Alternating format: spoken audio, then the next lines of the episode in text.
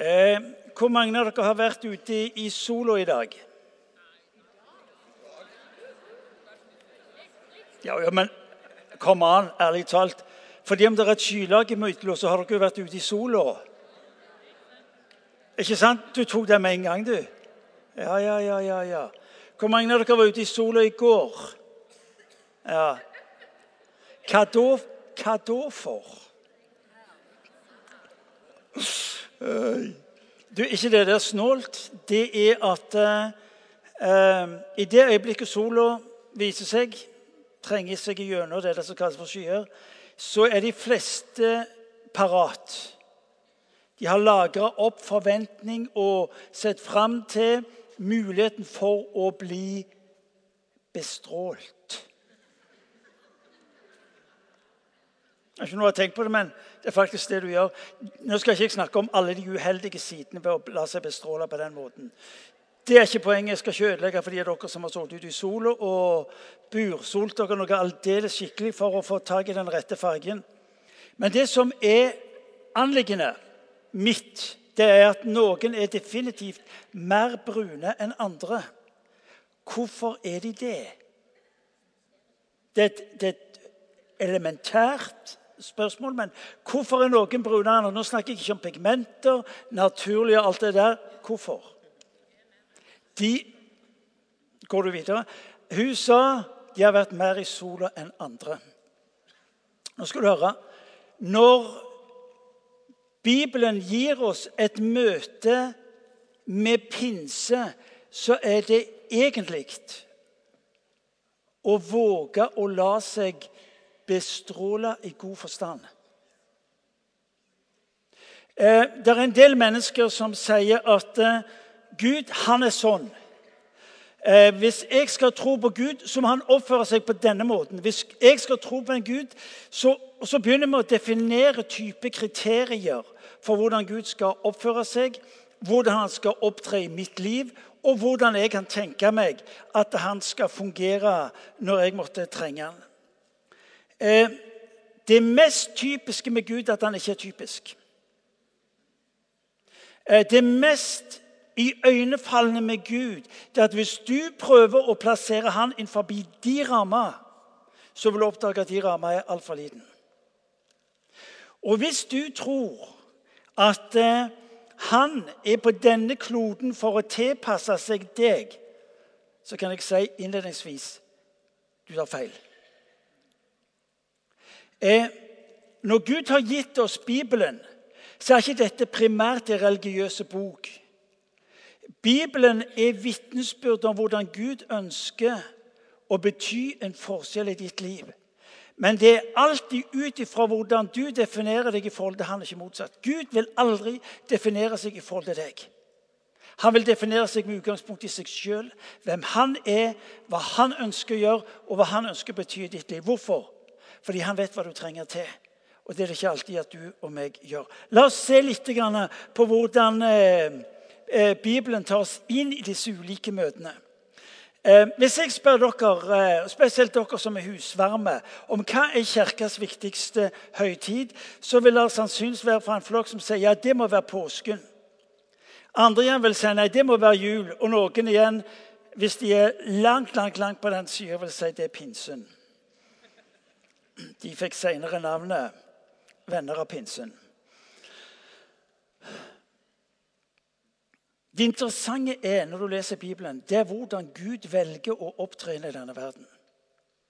Og det, det, tok meg ikke lang tid til å forstå at hvis jeg ønska å plassere Gud innenfor mine rammer, så var jeg dømt til å mislykkes. Når Gud trer inn i denne verden som han gjør eh, ved jul, så kommer han inn i denne verden for å møte mennesket som barn. Hvorfor i all verden kom ikke allmaktens Gud med alt han hadde av engler, makt og herlighet, demonstrerte for all verden at han var Gud, og så hadde han kontrollen? Det er ikke det han gjør.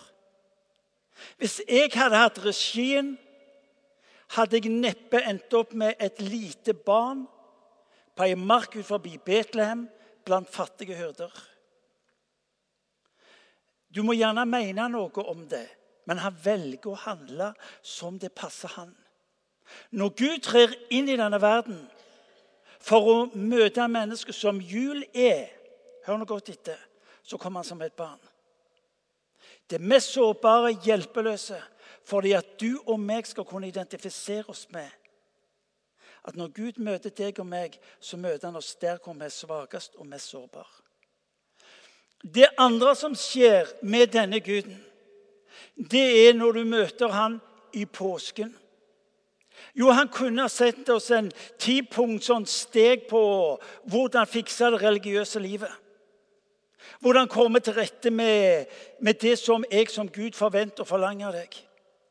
Istedenfor de ti punkt om hvordan bli religiøs mester, så velger han sjøl å dø på et kors for at du, ved det du ikke makta å gjøre, skulle vite at når han dør på et kors, så har han ordna opp for ditt liv.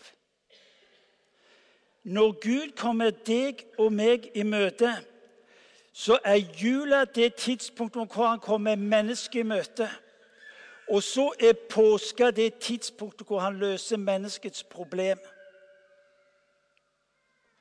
Og så blir pinsa Og så blir pinsa det sted hvor Gud gir mennesket livet og kraften og hensikten med livet.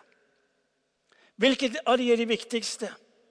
Vet du hva? Som Gud er treenig, vil du oppdage at julen, påsken og pinsen også finner sin plass innenfor treenigheten. Og hvis du glemmer pinsa, som de fleste av oss gjør, så vil du oppdage at du mister selve dynamikken for det du trenger for å leve det livet som Gud har for deg.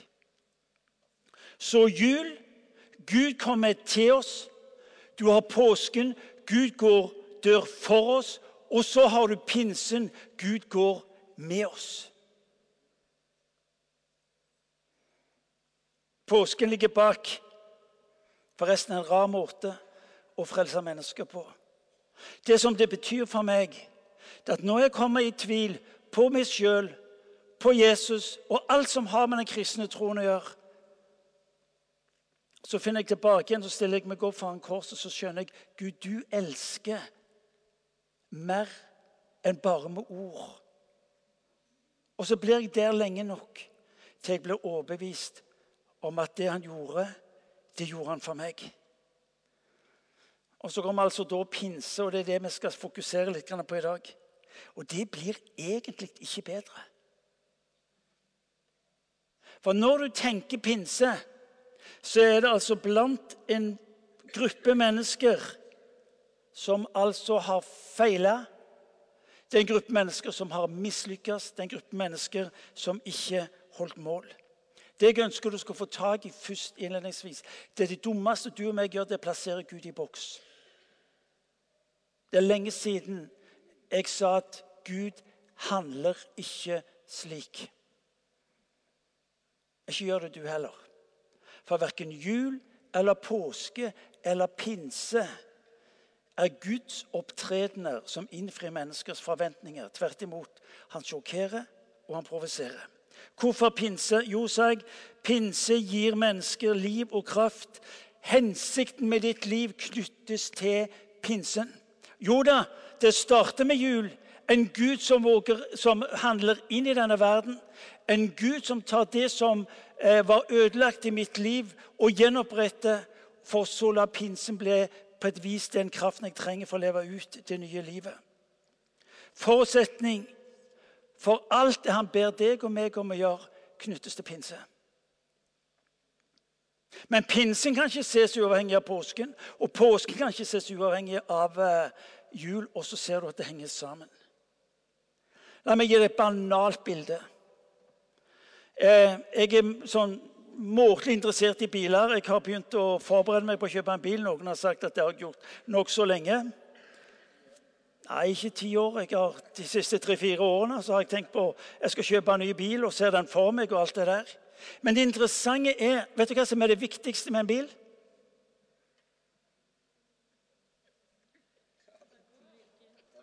Ja, ja, selvsagt at den går. Du kan jo skue den. Det er ikke problem, det. Ikke sant? Altså, at han, for ja, at han går, Du kan bare skue den. For nabolaget er med å skue, så går han. Men det viktigste med en bil er at han har bensin. Du tok den, du. Du sa det. Dere kan dele det. Dere, dere to kan dele det. Hva går han på, sa han. Hva går han på? Du og meg kan gjerne snakke om de fine biler, men du og meg vet at uten bensin så blir den fine. Uansett hvor mange hestekrefter, uansett hvor mange sylindere, uansett alt det som måtte være på den bilen. Hvis han ikke har bensin, så blir han stående. Eller strøm. Det måtte komme.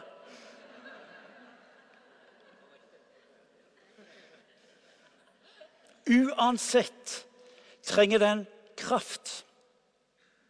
Hør nå godt etter. Det har gått altså 50 dager, 40 dager fra påske til Kristi himmelfartsdag, og så har det gått 10 dager ifra eh, Jesus sammen med disiplene står forbi Jerusalem, og så sier han OK, gutter, nå drar jeg.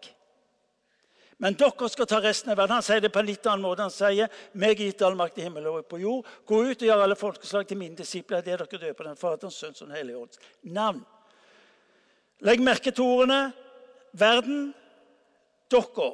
Det aner meg at Peter og Johannes, førstefiskeren første fiskeren og andre fiskeren, som jeg av og til pleier å si For de var jo egentlig bare fiskere ved utdannelse. Der, der står de foran Jesus, og Jesus sier til dem, han ser på dem og sier OK, nå skal dere ta resten av verden.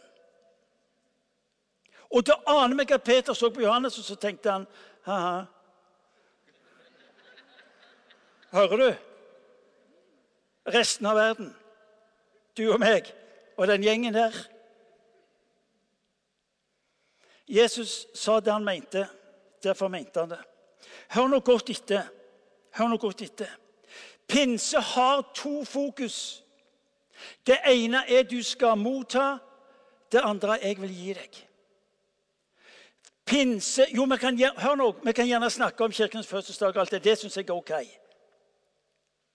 Men det pinse egentlig er, dypest sett er, det at jeg som en dag brøt inn i denne verden som et lite barn, som en dag dør på korset for ditt navn, for ditt liv Jeg er den som er her i dag for å gi deg det du trenger for å leve et liv som er annerledes. Og vi kan snakke om alle de andre tingene så mye vi bare vil. Men det er det det kokes ned til. Det er det det kokes ned til. Og Da disiplene hører den umulige beskjeden, så sier Peter ha-ha. Når skal dette skje? Eh, skal du gjøre det? Nei, dere skal gjøre det, sier han. Ja vel. Ok, Hva slags strategi har du? Har ikke noen strategi, sier han. Det Bortsett at dere skal starte Jerusalem, Judea, Samaria, like til verdens ende. Det var litt av en strategi. Ja, Hva skal vi da gjøre? Dra til Jerusalem og vente. Ja, skal vi ikke gjøre noe? Jo, dere skal gjøre noe. Dra til Jerusalem og vent.' Ja, Men vi må jo gjøre noe. Gjør det jeg sier til dere. Dra til Jerusalem og vent.' Ja, men det er ikke mye strategi i det. Ja, det er sånn som du tenker det. Når Gud tar deg, inn, og deg og meg inn i det han ønsker å skje, se skje i denne verden, så er det fordi han sjøl ønsker å gjøre det ved ditt liv. Dermed blir det avgjørende viktig at du og meg blir en del av det han gjør, og ikke motsatt. Hvorfor pinse? Vi skal lese sammen vers fra Apostelens gjerninger fra Bibelen. Denne Bibelen er ikke primært gitt oss til informasjon og kunnskap. Den er gitt oss til forvandling. Når du og meg leser det som står i denne Bibelen, så skjer det noe med oss. Der er altså gjengen, ca. 120 stykker, står der. De kommer sammen for å tilbe Gud. Det står at de ber, og så leser, leser de Skriftene. Leser vi i Bibelen. Og mens de da er samla der i tilbedelse, i bønnen, i lovsangen, så leser vi fra kapittel 2, vers 1. Da pinsedagen kom, var alle samlet på ett sted. Plutselig lød det fra himmelen som når en kraftig vind blåser, og lyden fylte hele huset hvor de satt. Tunger som av vill viste seg for dem, delte seg og satte på hver enkelt av dem. Da ble de alle fylt av Den hellige ånd, og de begynte å tale på andre språk som ånden ga dem å forkynne. I Jerusalem bodde det fromme jøder fra alle folkeslag under himmelen. En stor folkemengde stimlet sammen der de hørte denne lyden, og det ble stor forvirring. For hvert enkelt hørte sitt eget morsmål bli talt. Forskrekket og forundret spurte de, er det ikke galileere, alle disse som taler? Og så forteller de hvordan de hører altså eh, apostlene tale på ulike språk som refereres til ulike grupper, eh, nasjonaliteter. Eh, så står det de visste ikke hva de skulle tro, og forvirret spurte de hverandre hva er dette for noe. Men noen gjorde narr av dem og sa de har drukket seg fulle på søt vin.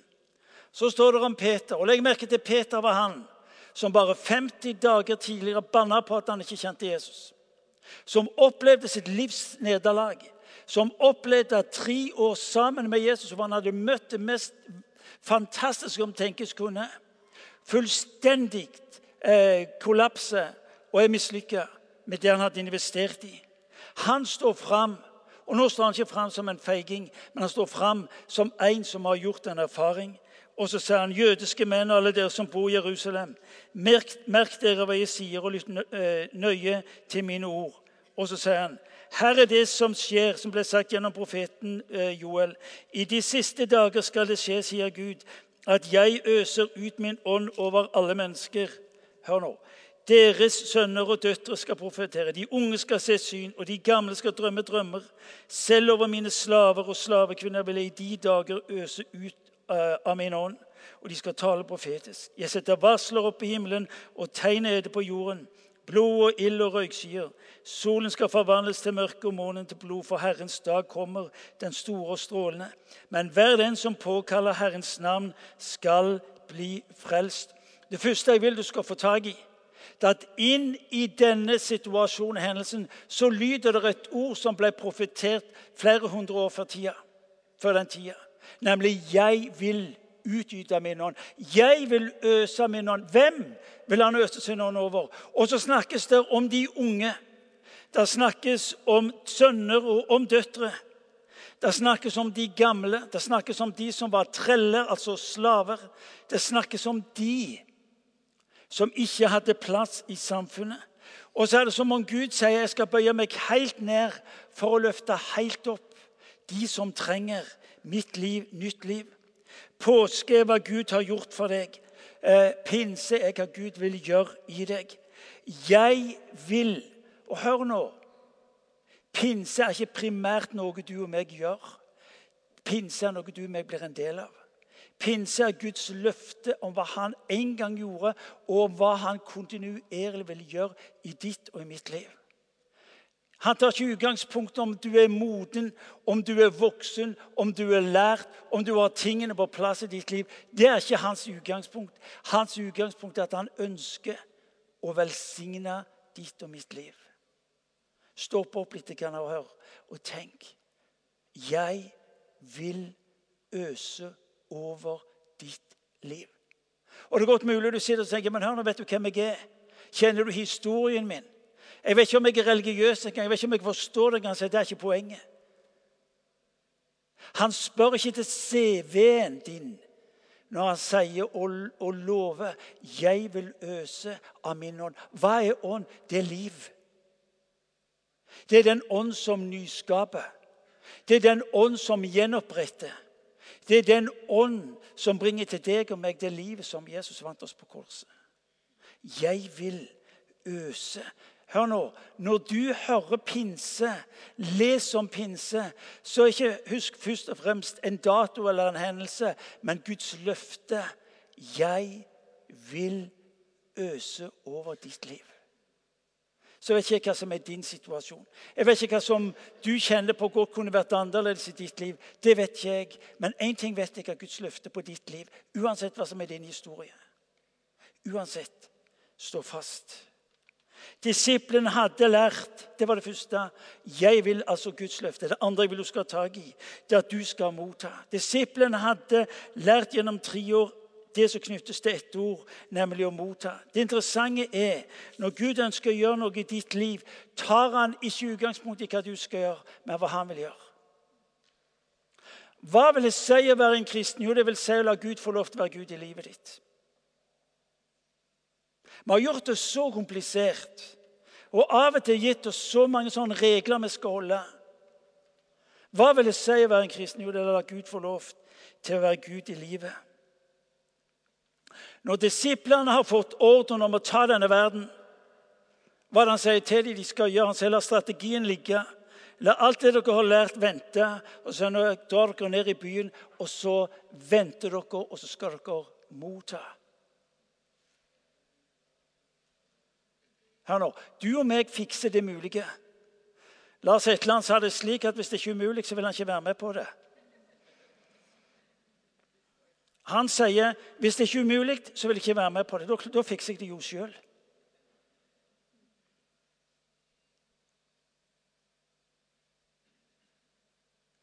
Disiplene hadde grunnleggende lært at nøkkelen i livet deres var å motta.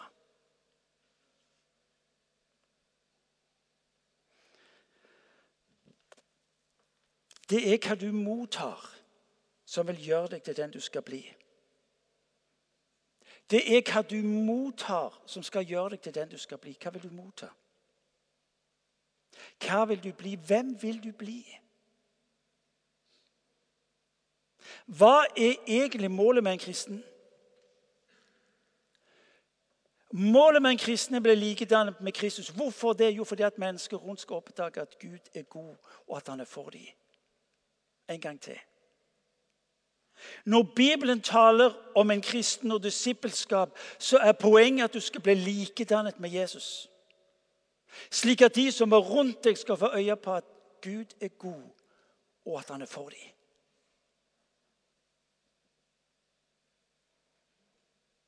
Vi har altfor ofte gjort spørsmål om kristenliv Det kommer komme velberga gjennom denne verden. Og så håpe at eh, vi rekker himmelen. Gud har ambisjoner for ditt liv. Han har ingen andre enn deg og meg å bruke, og mennesker skal våge å tro at Gud er god.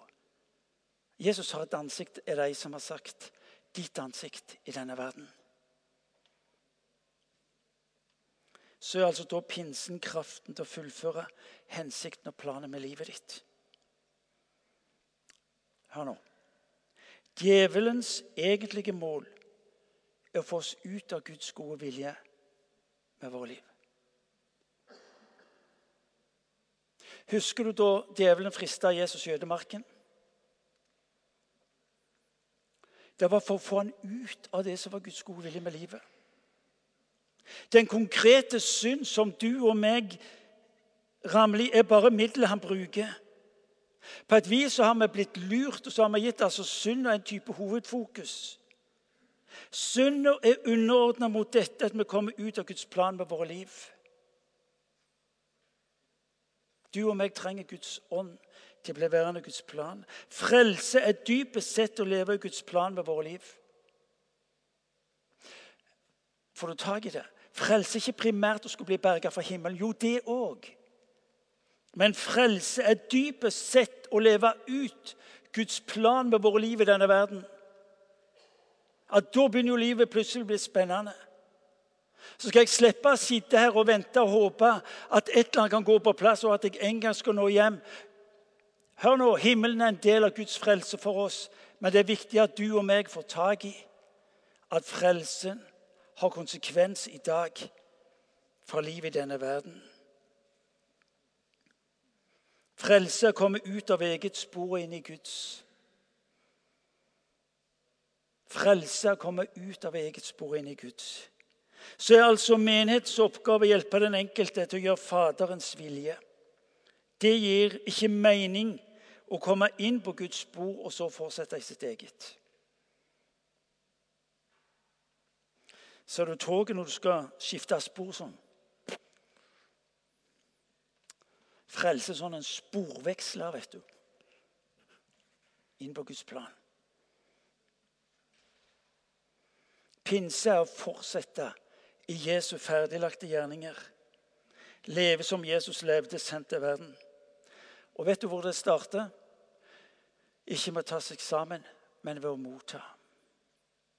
Og Det er noe av dette som er, troen på Jesus så underlig og så annerledes alle andre religioner.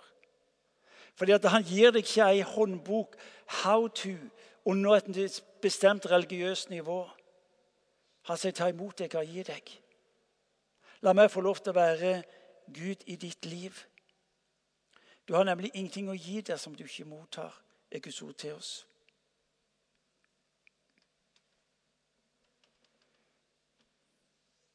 Guds og til. Av så tror jeg min utfordring og din utfordring er at vi kan så mye av den kristne historien. Vi kan så mye av, eh, av eh, eh, tradisjonene at vi rett og slett mister eh, dette voldsomme sjokkarta av at Gud faktisk rekker deg og meg eh, og så nesten sagt nøklene til sitt reservoar.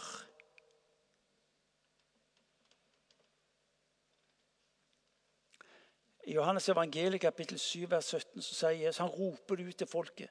Sverd møter ut forbi Jerusalem. Står der ved Siloadammen og så roper han ut at den av dere som er tyst, han kommer til meg og drikker. Og for hans liv skal det som skriften seg renne strømmer av levende vann. Er du tyst? Lengter du etter mer av Gud? Ønsker du å se mer av Han? Så han kom til meg, så jeg kan få lov til å gjøre det i livet ditt.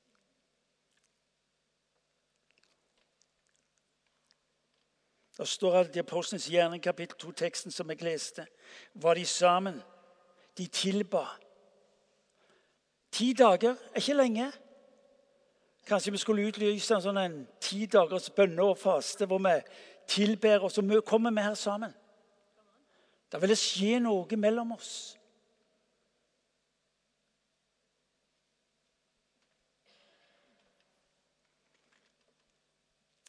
Salme 23 så står det 'Du salver mitt hode med olje', og så står det 'Mitt beger renner over'. Nå skal du høre godt etter. Du får nemlig i henhold til hva du setter fram. Hvis du setter fram et lite eggeglass, så fyller han opp det eggeglasset. Hvis du setter fram en kopp eller et glass, så fyller han opp det. Hvis du setter fram ei bytte eller et kar, så fyller han opp det.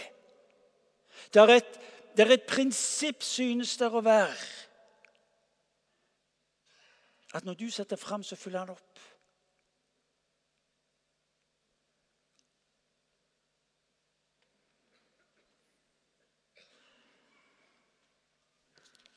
Vi må begynne å slutte.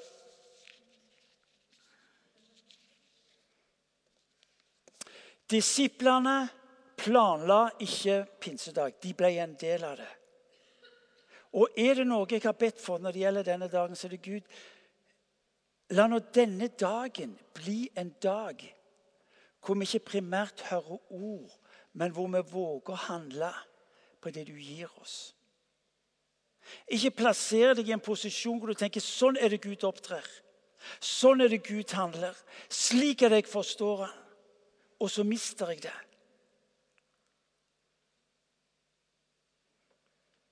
Disiplene planla ikke pinsedag, men de tok imot det som kom. Han fortelles om vekkelsen i Asusastrik, hvor, hvor pinsebevegelsen ble starta ca. 1904-1905-1906 der omkring. Hvor de kom sammen, og så ba de, og så lovsang de. I dag etter dag, uke etter uke, måned etter måned. Og mens de er der, så opplever de hvordan Guds ånd slår ned imellom dem. Fra det stedet av Asusa Street så går det 110 år. Og mer enn 30% av jordens befolkning er i dag kristne, med bakgrunn i det som starta med fattige, enkle mennesker i Asusa Street i California. Gud tar ikke utgangspunkt etter hvem du er, eller hva du representerer, men han spør kan jeg få lov til å gi deg det du trenger og du vil forvandle byen. Du vil forvandle omgivelsene dine. Fordi jeg lengter etter. Jeg elsker det. På pinsedag er vi nødt til å lese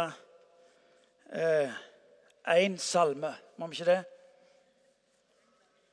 Hans Nilsen Hauge, 25 år gammel, går han og pløyer jordet ut forbi Rolfsøytunet i Østfold. Historien forteller at uh, samtalen om Guds rike og troen på Jesus var sentral i hjemmet. Og denne dagen forteller historien, så går altså den unge Hans Nilsen Hauge på 25 år og så synger han denne sangen 'Jesus, din søte forening og smake'. Det er litt sånn gammelmodig språk. Men du vil oppdage i ordene formuleringene at det er hjertet hans som roper ut. Jesus, din søte forening og smake, lenges og trenges mitt hjerte og sinn. Riv meg fra alt det meg holder tilbake. Dra meg i deg, min begynnelse, inn. Vis meg med klarhet min avmakt og møye. Vis meg fordervelsens avgrunn i meg. At seg naturen til døden kan bøye. Ånden alene må leve for deg. Og så forteller historien han kom til vers 2, så er det et eller annet som bare skjærer igjennom og så forvandles liv. Styrk du meg kraftig i sjelen her inne, at jeg kan kjenne hva Ånden formår. Skal vi reise oss? Og Så kan jeg tenke meg at vi rett og slett skal synge en av de sangene som vi sang tidligere.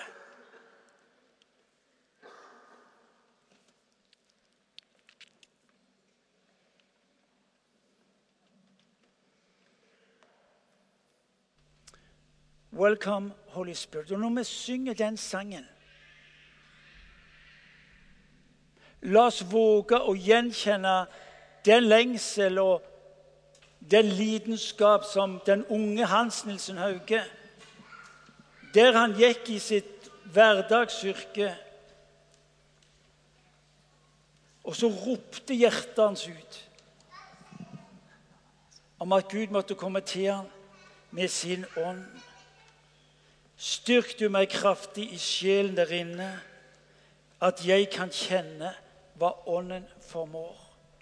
Når vi synger denne sangen, når vi synger denne sangen, så vil jeg at du skal tenke to ting. Det ene jeg vil du skal tenke, er at 'jeg vil', sier Guds ord, 'øse min ånd over dere'. Det er Guds ord til deg og til meg. Når du synger sangen om 'Welcome, Holy Spirit', så skal du vite at denne sangen er et uttrykk og et gjensvar for det som Gud sa. Vet du hva? Jeg vil gjøre det. Og så vil jeg at du skal ta imot.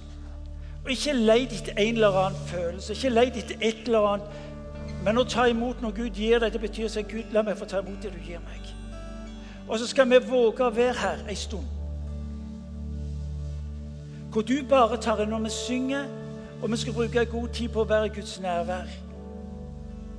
Målet er ikke primært å synge en sang nå.